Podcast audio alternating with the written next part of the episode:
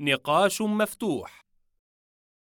أعزائي الضيوف الكرام السادة والسيدات يشرفنا حضوركم الليلة في هذه الندوة التي عنوانها نقاش مفتوح حول مشكلات التعليم.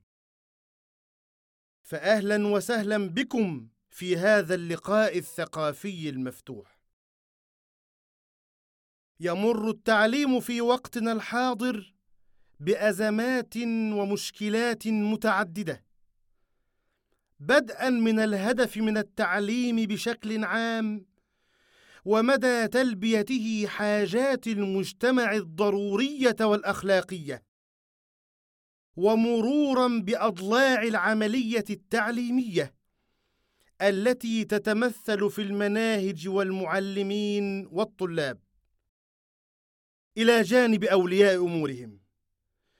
ثم انتهاء بمشكلات أخرى على هامش العملية التعليمية مثل الدروس الخصوصية وتسرب الطلاب من التعليم وكذلك مشكلة الضرب في المدارس وغيرها من المشكلات.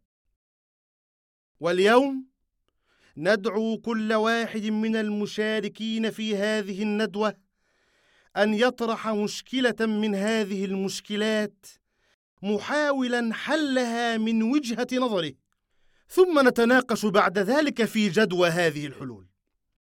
نبدأ من الجهة اليمنى. تفضل عرف نفسك وعملك واطرح مشكلتك وطريقة حلها. اسمي أحمد رمضان معلم للمرحلة الابتدائية. أعتقد أن المشكلة الرئيسية هي طريقة التدريس التي عليها أكثر المعلمين ما عدا قليلا منهم. إذ يعتمدون على طريقة التلقين والحفظ لا الفهم.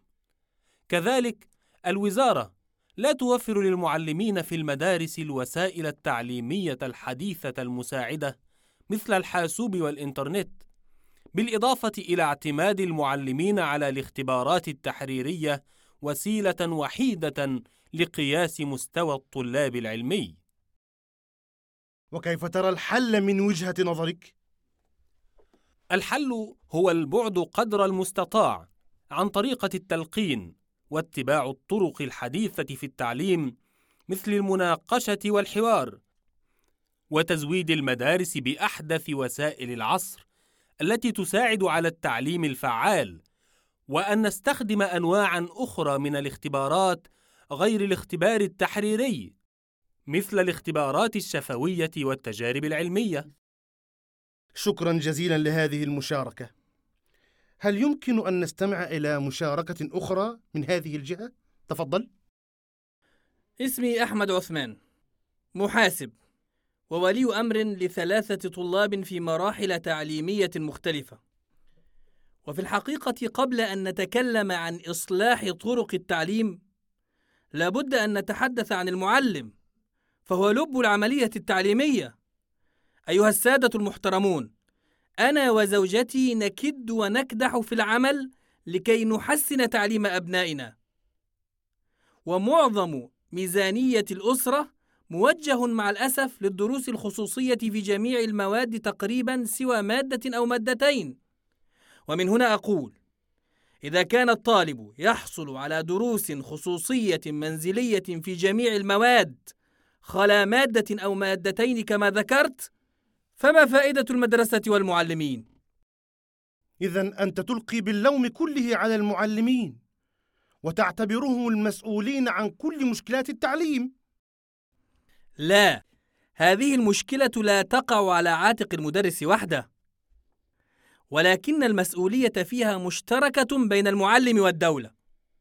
فمن جهة الدولة نجد أن دخل المعلم منخفض وهو ما يجعله لا يهتم بعمله في المدرسة أو يتجه إلى الدروس الخصوصية لتحسين دخله. وكذلك يقع عليها أيضا أن تختار لمهنة التعليم المؤهلين علميا وفنيا. ومن جهة المعلم يجب أن يسعى لتحسين مستواه العلمي باستمرار. وأن يحرص على استعمال الطرق التي تجذب انتباه الطلاب واهتمامهم حتى لا يضطر إلى أخذ الدروس الخصوصية كما يجب أن يعرف أنه قدوة لطلابه. ومن ثم فعليه أن يكون حريصا في سلوكه وأخلاقه أمام الطلاب حتى تعود لمهنة التدريس هيبتها التي كانت عليها. شكرا جزيلا لك. تفضل. الأستاذ في الآخر هناك. اسمي عادل عطية معلم ثانوي.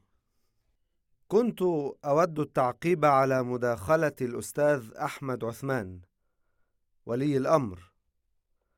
في رأيي قبل أن نحمل المعلم المسؤولية كلها وحده يجب أن يعرف أولياء الأمور وكذلك الطلاب أن عليهم مسؤولية في التعليم. فهم جزء أيضا من مشكلات التعليم. فأولياء الأمور حاشا المتعاونين منهم.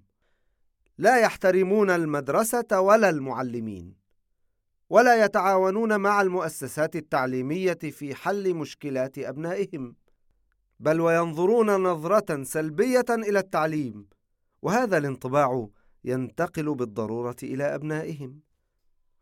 ورأيي أنه إذا تغيرت نظرة ولي الأمر إلى المعلم والمدرسة والتعليم فسوف يحل كثير من المشكلات أرجو من السادة المشاركين أن يعبر كل منهم عن وجهة نظره وألا يعقب على آراء الآخرين حتى يكون الحوار أكثر فائدة.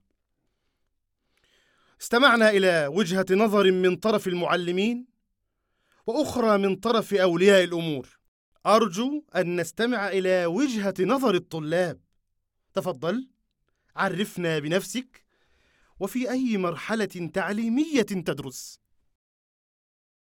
اسمي عبد الله منصور طالب في المرحلة الثانوية أنا أشترك في الرأي مع كل ما سبق وأضيف إليه مشكلة أخرى تتعلق بالمناهج الدراسية فالمناهج الدراسية محشوة بما لا يفيد الطلاب وليس لها علاقة بالواقع الذي نعيشه سوى مواضيع محدودة.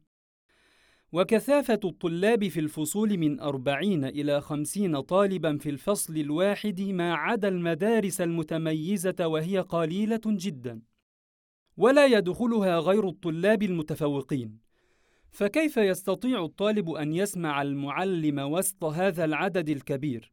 فضلا عن أن يفهم شرح الدرس. أعتقد أن درجة حرارة الحوار قد ازدادت.